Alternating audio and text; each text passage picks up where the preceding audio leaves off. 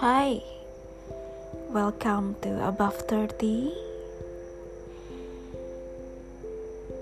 Kita ngobrol soal keraguan, ketakutan Menemukan dan melepaskan cinta dan harapan atau cita. Atau restart our lives ketika kita di umur 30 gimana rasanya? Yuk ngobrol bareng dan share keraguan dan cerita kita. Semua di Above 30 Podcast